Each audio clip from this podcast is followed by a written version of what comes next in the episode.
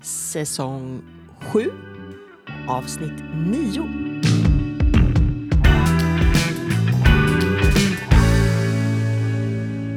Och här kommer alltså det sista och sjunde steget av sju stycken. Att lära dig leva i ett tillstånd av kontinuerlig positiv energi.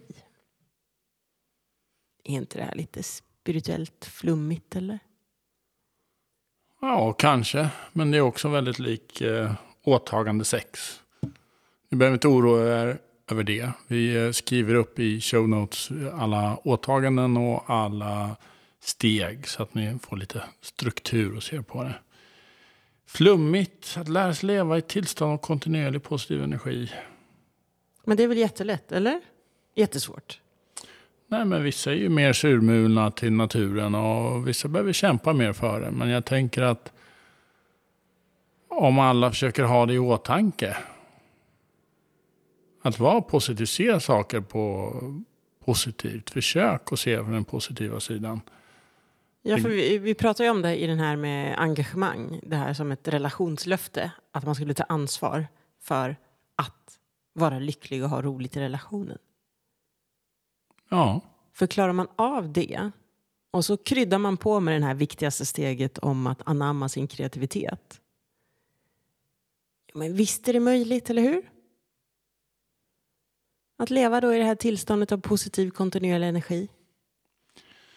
ja och man kan säga att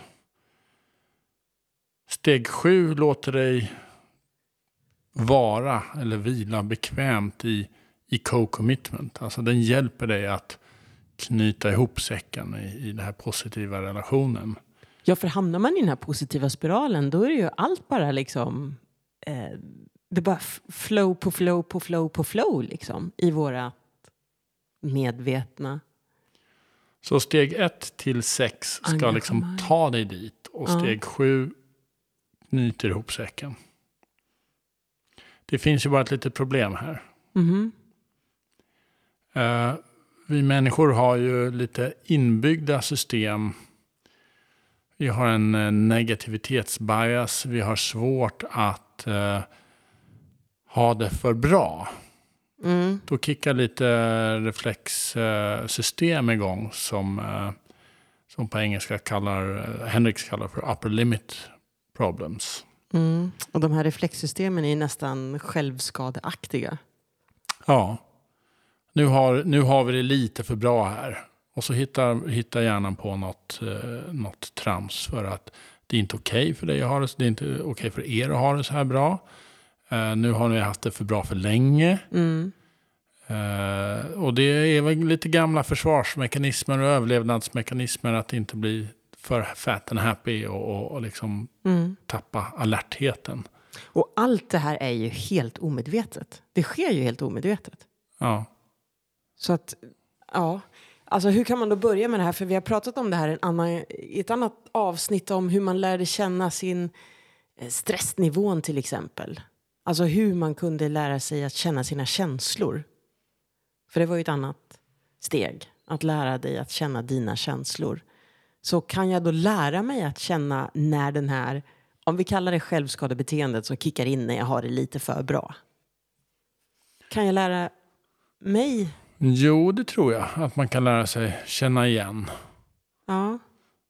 Man kanske kan lära sig också tillsammans att jag känner igen dina och du känner igen mina och så har vi någon safe word här, hallontopp. Ja, Liksom. Nu är det på gång här. nu börjar du dra ner oss helt i onödan. Det där, Ja. eh, Vi har det bra, vi kan fortsätta på det här flowet. Ja, jag tror man kan hjälpa varandra där.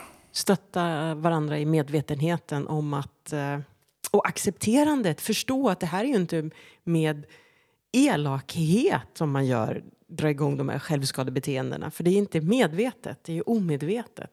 Mm. det här sker.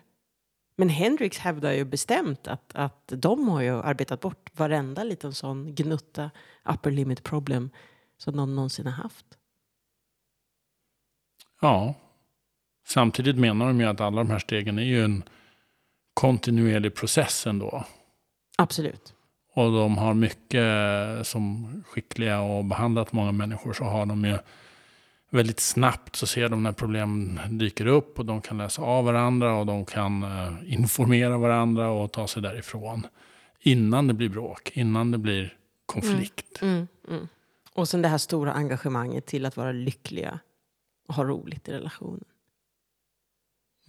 Att det är det som får prioritera vardagen. Det är det som får prioritera stunderna tillsammans.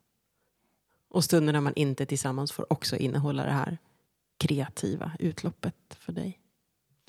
Ja, sen får man komma ihåg att livet går i vågor eller cykler eller faser. Och eh, det kan inte alltid vara på topp kanske. Men eh, Nej, men efter sol kommer regn och tvärtom. Och att lära sig att leva i solsken, det kräver ju liksom medveten träning. Ja, Och man kan träna på att vara glad och ha roligt och vara lycklig. ja. Och eh, för ett par tusen år sedan fanns det en expert på det här. Va? Eller i alla fall på eh, 70-talet. Så om ni lyssnar på lilla snutten här som våra söner har spelat in så får ni en idé över om man har en spik i foten att man ändå kan vara ganska så glad. Always look on the bright side.